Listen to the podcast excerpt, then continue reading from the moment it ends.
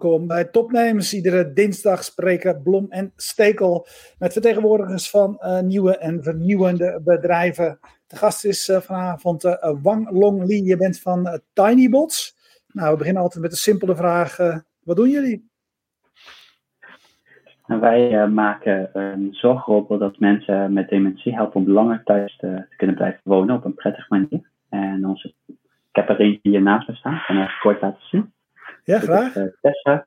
Zij geeft eigenlijk verbale begeleiding aan mensen met dementie en uh, herinnert ze aan uh, om tijdig te eten, um, tijdig medicijnen in te nemen, maar vooral om hen weer te activeren om voor zichzelf te zorgen.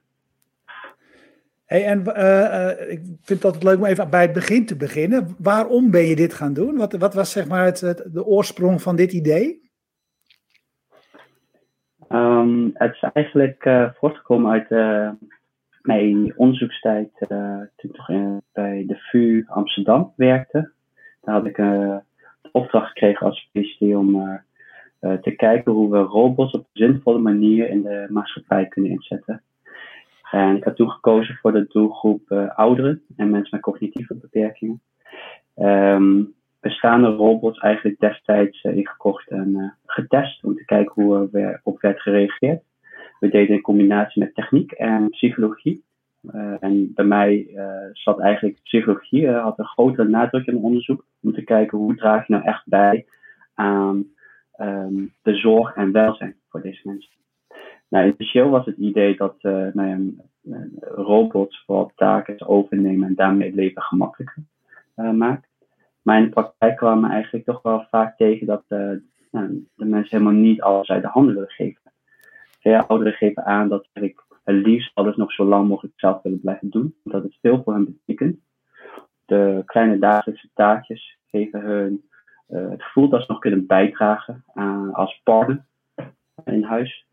Um, en zo zijn we eigenlijk opnieuw uh, uh, het product gaan herontwerpen, het robot anders definiëren. Dus zijn we samen met de doelgroep in, in, het tweede jaar gaan herontwerpen en co-creatie. En zo komen eigenlijk de eerste prototypes van onze robotje Tessa naar voren. Uh, waarbij het vooral gaat over verbale begeleiding, omdat mensen wel aangaven, vinden het lastig om het dag goed te organiseren. Ik vergeet nog wel eens dingen. Um, veel taken worden lastiger, wordt soms complex en ik weet gewoon niet meer hoe ik iets moet uitvoeren. En dat vind ik heel confronterend en heel lastig om dat aan te geven bij um, mijn familie. Uh, want ja, dat voelt, voelt toch al uh, als iets dat ik is heel essentieel dat kwijtraken. Dat is, dat is heel uh, confronterend voor hen in het leven. Maar als een uh, app, uh, ja, zo'n robotje het um, even hint geeft, instructie geeft, voelt het aan als verlengde van hun eigen geheugen. En dat is wel weer prettig. Ja. Kun je, kun je eens een voorbeeld geven? Ja? ja, kun je eens een voorbeeld geven inderdaad welke rol zo'n robot speelt voor, voor, voor mensen? Wat, wat doet de robot, zeg maar? Wat, wat, wat is waardevol in, in hun, hun dagen? Ja, wat precies goed om, om, om denk ik, um, uh, te schetsen hoe, hoe zo'n uh, dag uitziet voor iemand met dementie in fase 2 en 3. Uh, dus dan um, hebben ze vaak toch moeite.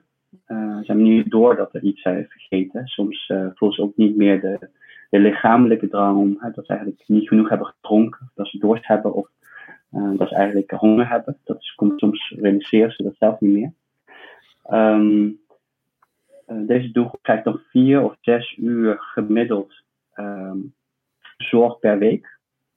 Uh, maar ik kan me voorstellen dat natuurlijk door de hele dag heen natuurlijk uh, zorg of in ondersteuning gewenst is.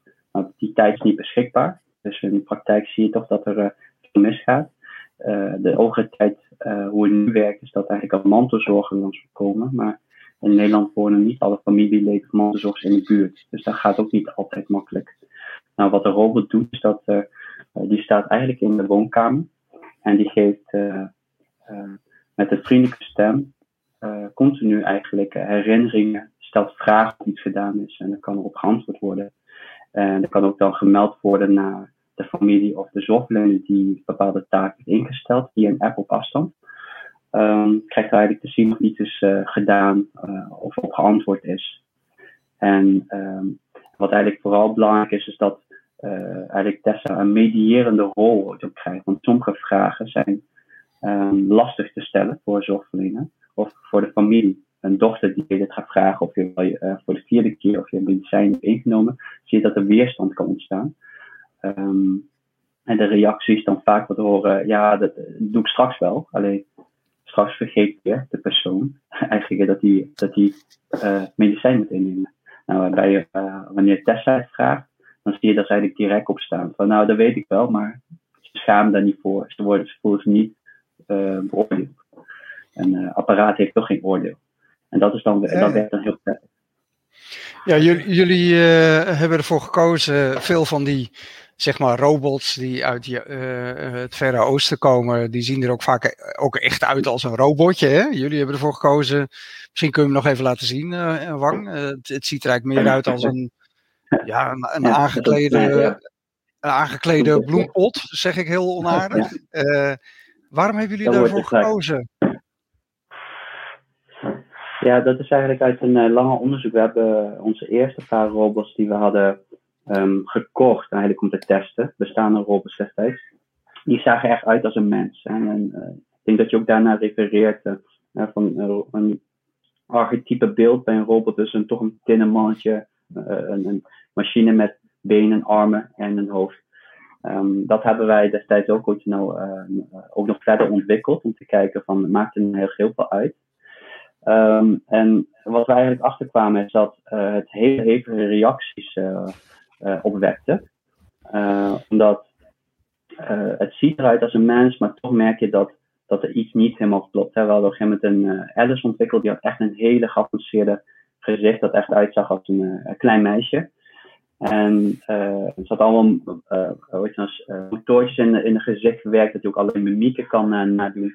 maar dat, dat verfijnde van, van een mens kan je niet toch niet goed nabootsen. En dan merk je toch al gauw dat, dat het niet goed overkomt. Zelfs als je perfect nabootsen. En op het moment dat iemand uh, een hele andere verwachting heeft in, in, uh, in het omgang uh, met een robot, als het eigenlijk bijna verwacht dat het eigenlijk mens is, of het eigenlijk op een gegeven moment denkt dat het een mens is, en realiseert dat het toch niet dat het een machine is, dan krijg je toch je, een, een, een, een, een dus je dan eigenlijk een shock ooit aan, staan dat, dat, dat, dat, dat dingen opeens niet meer klopt. En, um, maar de belangrijkste reden waarom eigenlijk niet um, eigenlijk voor een hele menselijke vorm zijn gegaan, is dat uh, op het moment dat iets arme benen heeft, uh, dan wordt er ook verwachting gewerkt dat die, nee, dat is een persoon, dat hij kan rondlopen, dat hij iets kan aangeven.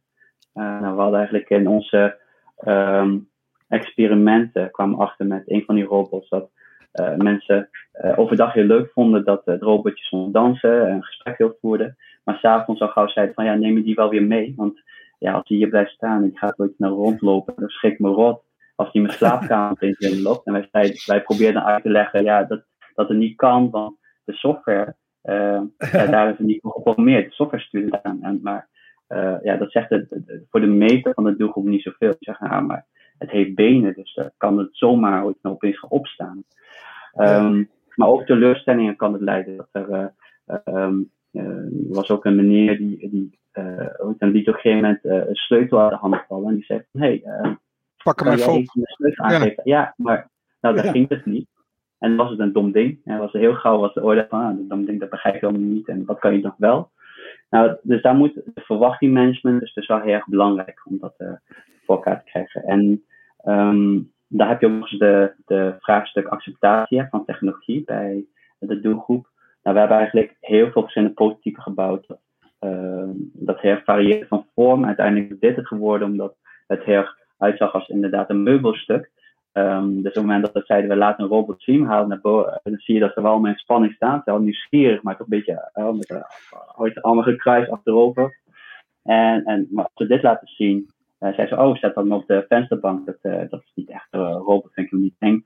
Zet het aan, begint te praten, dan gaan ze toch ooit nou op de interactie in. Dat is eigenlijk wat we nodig hadden om voorbij de voordeur te kunnen komen. Ja, kun je nog je, je, kun je eens laten horen hoe, hoe die klinkt? Of moet je, is dat veel gedoe? Ja, ik, zou, nou, ik kan hier even een berichtje uh, laten uitspreken.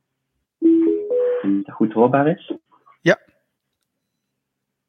Hallo allemaal, ik ben Tessa.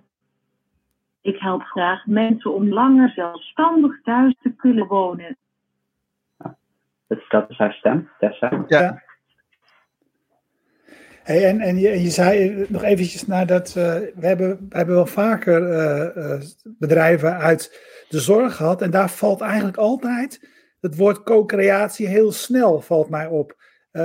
dat wordt eigenlijk overal gezegd, hè? bij andere bedrijven natuurlijk ook. Je moet het met de doelgroep ontwikkelen. Maar het lijkt, me, lijkt als ik dat zo beoordeel van een afstandje in de zorg, ook echt de praktijk te zijn. Um, ja, weet je, kun je eerst even vertellen of dat, of dat of klopt dat beeld van mij, zeg maar? Is dat in, is dat in, in de zorg echt eigenlijk, je doet dit, dit gewoon altijd met de doelgroep samen om, om, om uit te vinden hoe het, hoe, hoe het werkt en hoe doe je dat dan?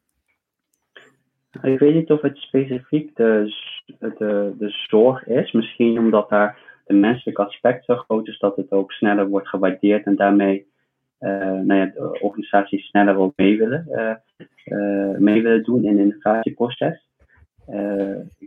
ik denk dat ook co-creatie als woord en als proces ook, ook in heel veel andere domeinen nu wordt gebruikt. Um, ik moet wel tegelijk zeggen dat het soms ook wat te ver wordt doorgetrokken.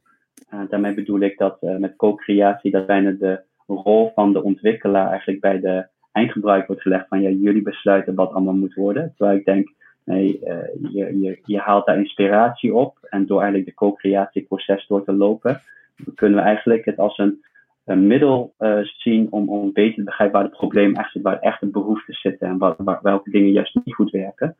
Maar de besluit om welke dingen meenemen, ik denk dat wel echt bij de ontwikkelaar moet zitten, want ook heel veel goede ideeën die, die uh, heel veel mensen ons hebben gegeven, is in combinatie niet altijd de beste. Dus we moeten daar altijd denk ik de afwegingen wel weer als ontwikkelaar uh, maken. Um, wel vind ik het een hele mooie beweging. Dat, dat was steeds meer, vooral in de zorg, uh, omdat het ook een hele complexe omgeving is met heel veel um, ja, uh, vorm, soorten gebruikers. vaak praten wij als gebruiker als de, ja, eindgebruiker als de, de, de cliënt, de patiënt. Maar vaak ook in, ook in ons geval is de familie ook eigenlijk een gebruiker. De zorgverlener is ook een gebruiker. Waarbij ook daar nog zorgverlener in verschillende rollen weer uh, spelen. Een wijkverpleegkundige doet hij dan weer als een verzorgende of een persoonlijk begeleider. Die hebben weer andere belangen. En ik denk dat het wel een hele goede middel is om al die aspecten mee te nemen en aan bod te laten komen. Ja. En hoe, um, uh, ja, hoe, hoe richt je zeg maar een een, een robot in? Hoe, uh, ja, de, hoe, hoe maak je zeg maar, wat de robot doet op maat voor de, voor de patiënt, voor de cliënt? Um, nou, we, we hebben eigenlijk eerst gekeken naar wat is eigenlijk de primaire behoefte. En we hebben in plaats van dat, uh, dat we een robot maken die alles kan, um, vonden wij het belangrijker dat het de meest essentiële dingen goed kan.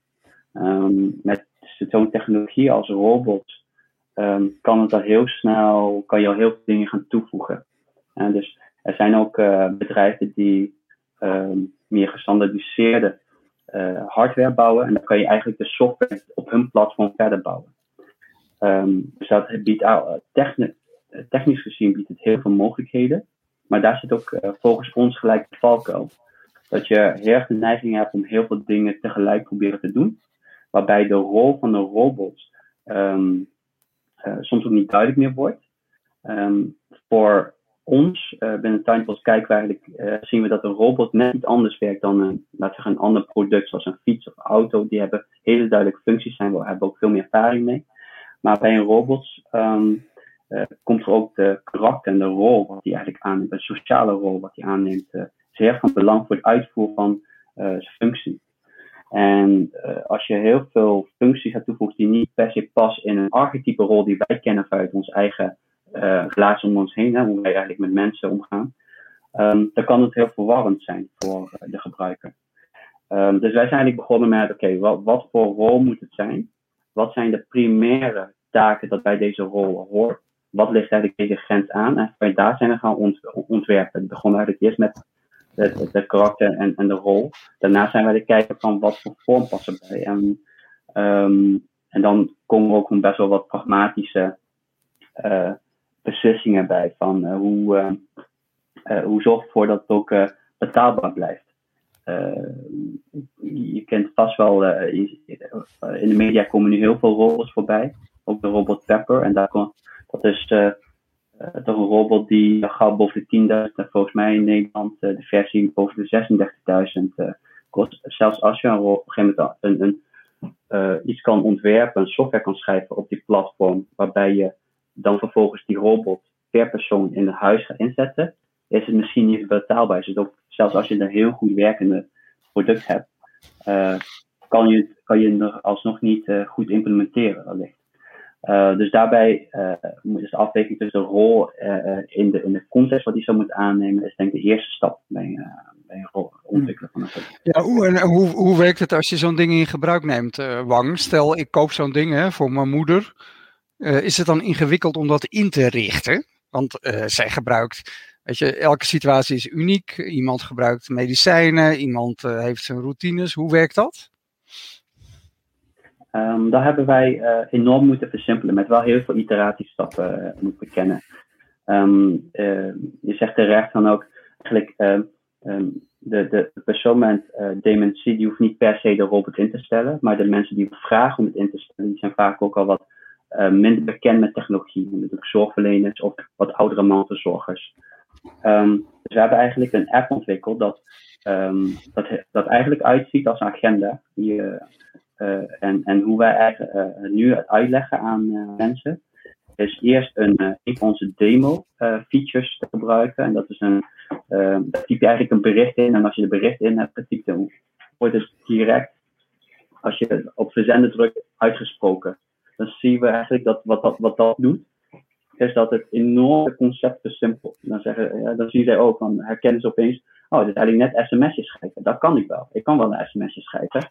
En, uh, en eigenlijk uh, wat, wat, er, wat er verder bij komt kijken is, nou, om eigenlijk uh, onze rol Tessa in te stellen, hoef je alleen nu nog de tijd en de datum te selecteren. En de rest zijn er ingesteld. Je schrijft continu gewoon wat je eigenlijk moet zeggen. Nou, daar begint het mee. Op de achtergrond zijn wij verder aan het ontwikkelen dat die ook gaat analyseren welke patronen werken nou goed voor welke mensen. En dan gaat hij eigenlijk ook recommendations geven. Van, oh ja, misschien moet je dit erbij stellen. Dan zijn het, uh, dan zijn het templates. Dat je eigenlijk hoeft alleen een akkoord te geven. Dus dan hoeven de, de mensen ook niet hele berichten meer te schrijven. Daarmee kunnen we ook weer een stap verder nog weer versimpelen. En effectiever uh, inzet realiseren.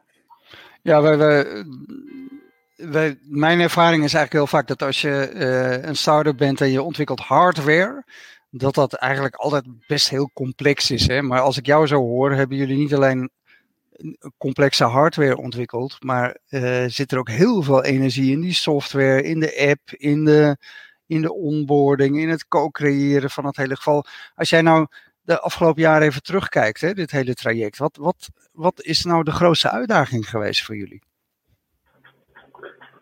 de grootste uitdaging, ik denk, en um, dat is denk ik in, in het implementatiestrategie. Um, het, het, ontwikkelen van het product, um, dat is eigenlijk vanuit, uh, ik zelf industrieel ontwerpen gestudeerd, dus als productontwikkeling, daar ben ik uh, relatief bekend mee. Ook al meerdere projecten gedraaid daarvoor. Dus het was al uitdagend, maar dat was een bekende domein. Maar het implementeren in de zorg is, is gewoon zeer ingewikkeld in Nederland met uh, heel veel um, ja, verschillende financieringsstromen, domeinen uh, en ook nog um, de zorg zelf, waarbij de mensen um, toch wel wat terughoudender zijn en wat meer, iets meer weerstand tonen voor technologie. We zien wel dat nu veranderen. En in de huidige tijd door de pandemie is wel veel meer acceptatie en ook de uh, behoefte gevoeld om meer technologie in te zetten. En ook gezien dat het echt nut heeft en ook noodzaak echt moet inzetten. Maar dat was daarvoor wel uh, toch wel wat meer weerstand, wat lastiger om uh, goed binnen te komen. En um, dat, dat hele inrichten van het implementatietraject, uh, dat heeft denk ik de meeste tijd gekost om uit te vogelen hoe dat werkt. er komen aspecten als de financiering voor elkaar krijgen, de business case, training opzetten, um, de, de service daarachter, het operationele service, innovatieproces be begeleiden. Initieel dachten we, een zorgorganisatie heeft heel veel van die competentie vast wel in huis. Als wij heel goed luisteren naar ze wat ze nodig hebben, dan kunnen wij het wel nou bieden en kunnen wij eigenlijk vooral een product en een deel van de service aanpassen. Maar gaandeweg kwamen we steeds vaker achter dat um, innoveren in de zorg, dat het nog niet de hele, dat nog niet, die competentie nog niet heel erg embedded zit in de meeste zorgorganisaties. Dus wij hebben vervolgens uh, onze eigen implementatie uh, competenties ontwikkeld in-house. Uh, mensen speciaal voor aangenomen. En wij bieden nu aan in drie fases en drie pakketten. Voor verschillende fases binnen innovatie traject bieden we het aan. En de laatste fase eigenlijk borgen en vervolgens opschalen tot boven de 100 van de robots om in te zetten.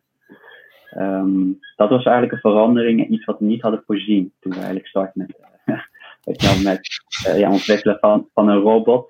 Dat eigenlijk uh, eh, 50% van het team juist echt bezig is met implementatie. Ja, ja, dat zijn dingen die je dan onderweg leert. Hey, ehm, hoe ziet jullie businessmodel eruit? Betaalt de eindgebruiker zeg maar, voor het product of dealen jullie met verzekeraars? het tweede. Dus wat um, wij zetten nu in via de zorgorganisaties, voornamelijk thuiszorgorganisaties.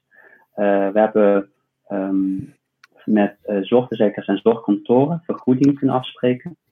En eigenlijk uh, als een zorgorganisatie het gaat inzetten, kunnen ze afspraak maken met een zorgverzekeraar of zorgkantoor. dan krijgen ze dat vergoed. Um, kunnen zij het inzetten per, per cliënt. En um, wezen in, de validatiestudies is er gebleken dat bij inzet van een TESSA um, zo ongeveer 100 uh, zorgminuten wordt geboden met de TESSA. Dus dat is uh, ruim 50% van eigenlijk de zorg kan via TESSA geboden worden. En daarmee kunnen eigenlijk, wordt er ook veel zorg bespaard. Maar ja, precies. Die 100, 100 minuten in absolute termen zegt mij natuurlijk niks. Maar het oh, idee erachter is natuurlijk dat door uh, uh, Tessa, jullie robot, uh, in te zetten, dat je natuurlijk uiteindelijk bespaart op gewoon menskracht die nodig is, toch? Ja, er is ook het grote tekort aan zorgpersoneel. En ja. ter referentie, dus een, een, cliënt krijgt vier of zes uur zorg per week. En uh, nu kunnen ze meer dan anderhalve uur via Tessa zorg krijgen. Maar dat is alleen maar nog wijkverpleging. Dus alleen maar de zorg die declarabel is. Daarnaast staat eigenlijk Tessa 24 uur, nou, elke dag is die al beschikbaar. En daarbuiten doet uh, Tessa ook dus heel veel andere begeleiding. Wat niet misschien direct declarabel is, maar wel heel veel uh, helpt bij het welzijn en, en heel veel doet voor de kwaliteit van zorg. Voor. Ja, je, je, je, noemt uh, welzijn. Uh, hebben jullie, uh, heb je cijfers van onderzoeken, zeg maar, waaruit ook blijkt dat mensen zich ze hechten aan, aan Tessa, of dat het ook echt daadwerkelijk iets doet met het welzijn van, van mensen? Ja, wat, wat ik maar moet, moet aangeven is dat als we het over het welzijn hebben, is denk ik in een brede kader, niet denk ik per se in de, hoe de zorg uh, het stukje welzijn, denk ik, definieert. Het wordt nu echt alleen maar ingezet vanuit wijkverpleging en de thuiszorg. En alleen vanuit de zorg, ja, maar ik ben, eigenlijk, ik ben eigenlijk meer geïnteresseerd in het algehele welbevinden van mensen. Dus dat, dat is, was eigenlijk mijn vraag. Ja. ja, we hebben dus daar niet, uh, we hebben daar geen meting in gedaan. Dus onze, okay. hoe wij de effecten meten is eigenlijk altijd, ja, uh, omdat wij vooral met organisaties uh, werken, wordt het vooral gemeten op hoe het in de zorg, wat, wat de effecten daar in binnen die kader is. Daarnaast hebben we anekdotische um, kwalitatieve feedback en kwalitatieve resultaten over dat mensen toch ja, Tessa gaan zien als een, um, als een vriendin of een, voor veel mensen ook een, klein, een, een andere kleindochter dat wij hebben gekregen. En daar waardoor ze ook wat minder eenzaam moeten uh, voelen. Uh, het product is niet per se ontwikkeld direct voor, om, om eenzaamheid op te lossen. Maar doordat er wel nou ja, meer uh, interactie is, meer wordt gestimuleerd om, om, contact met andere mensen op te zoeken, meer activiteit wordt geïntroduceerd, voelen mensen ook minder eenzaam. Ja, pak even een vraag van, uh, van een kijker. Johan Schaap zit mee te kijken. Die zegt: uh, dementie is natuurlijk een progressieve uh, aandoening. Groeit jullie ro robot Tessa mee met de patiënt? Of de klant, hoe je het wil noemen?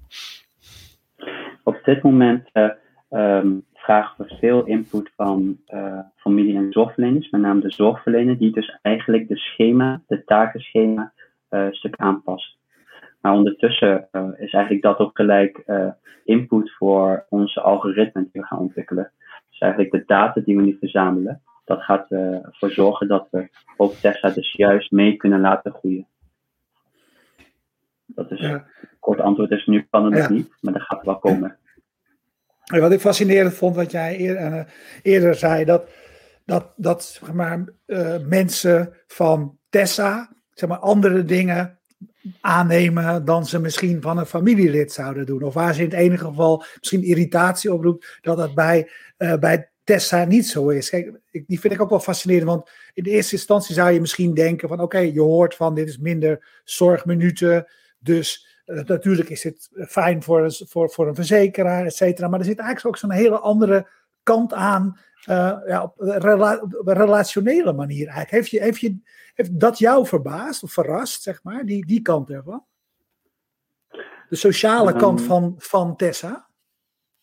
Ja, in de praktijk zijn er wel echt, echt veel case, uh, use case naar voren komen. En ook dus dat of een cliënt zelf, of een zorgverlener of familie, die eigenlijk een brief naar ons schrijft wat het voor hen betekent. Um, ik weet nog wel wat uh, eind vorig jaar kregen we op een gegeven moment uh, te horen dat het ook werd ingezet in de GGZ. En daar zijn um, volgens mij uh, zes van de acht uh, mensen die het mochten uitproberen aan te maanden. Waarbij, waarbij sprake was van suicidaal gedrag, dat het enorm afnam. Um, en dat ze eigenlijk weer wat grip op het leven krijgen. En zien van nu kan ik mijn leven eigenlijk weer zelf gaan organiseren. In sommige gevallen mogen ook de cliënten zelf de Tessa instellen. Dus dan vergroot het ook de gevoel van autonomie enorm. En ik denk dat um, wat jij uh, aanhaalt uh, over de sociale kant, dat de diepe dat er aantal diepe basisbehoeften zijn, psychologische basisbehoeften zijn van de mens, die we eigenlijk met ons product vervullen. Het is niet zozeer de, alleen de pakjes, dat is meer op de oppervlakte van herinneren aan uh, tijdelijk eten, herinneren aan medicijnen. Maar uh, de voorbeelden dat ik ook gaf van nou, dat, dat bepaalde dingen makkelijk wordt aangenomen, dat zit hem natuurlijk in de basisbehoefte voor autonomie, de basisbehoefte voor verbondenheid met mensen, de basisbehoefte dat je nog competent uh, bent, hè, tot een zekere mate. En eigenlijk ondersteunen we dat, denk ik. Um, want als een, een, een dochter het, gaat instrueren, um, ja, dat, dan helpt het misschien wel bij de ene behoefte, maar bij andere behoeften schaadt het voor een gevoel.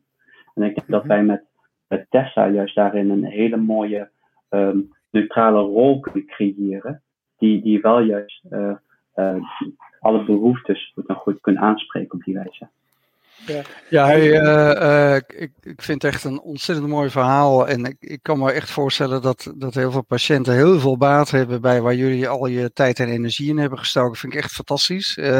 mijn slotvraag is: wat heeft jou gedreven om je tijd en energie in zoiets te stoppen? Wat misschien ja, aan de ene kant ook weer niet zo hip lijkt, maar aan de andere kant natuurlijk wel ongelooflijk nuttig is. Wat is jouw drijfveer?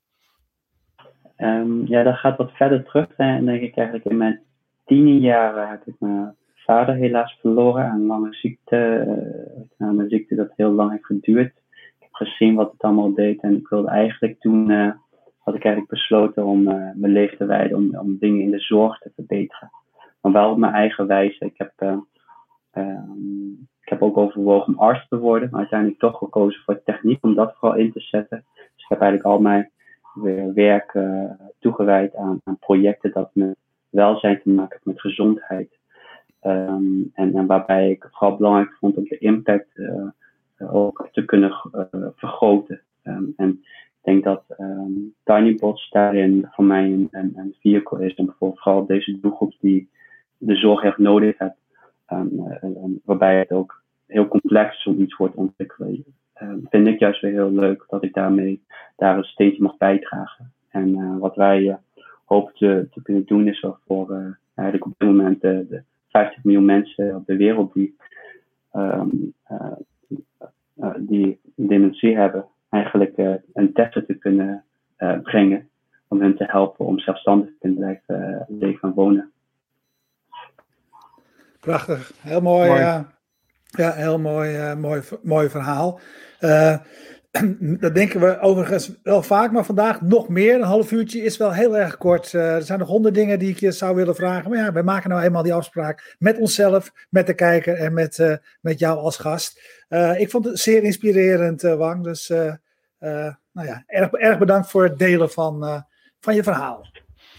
Dankjewel. Ik vond het heel leuk om met je in gesprek te gaan. En ja. dankjewel voor dit gesprek. Super. En jullie bedankt voor het kijken natuurlijk. En we bedanken zoals altijd Jetstream uit Groningen, specialist in streaming. Bier Co uit Amsterdam, distributeur van speciale bieren. We bedanken de loods in Durgedam. Uh, al waar je kunt vergaderen en bijeen kan komen als dat allemaal weer een klein beetje uh, meer mag.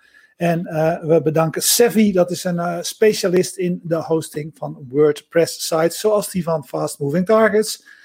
alle verslagen, alle uitzendingen vind je terug via fastmovingtargets.nl of via ons YouTube kanaal. We zijn er iedere dinsdagavond, dus volgende week dinsdag zijn we er weer.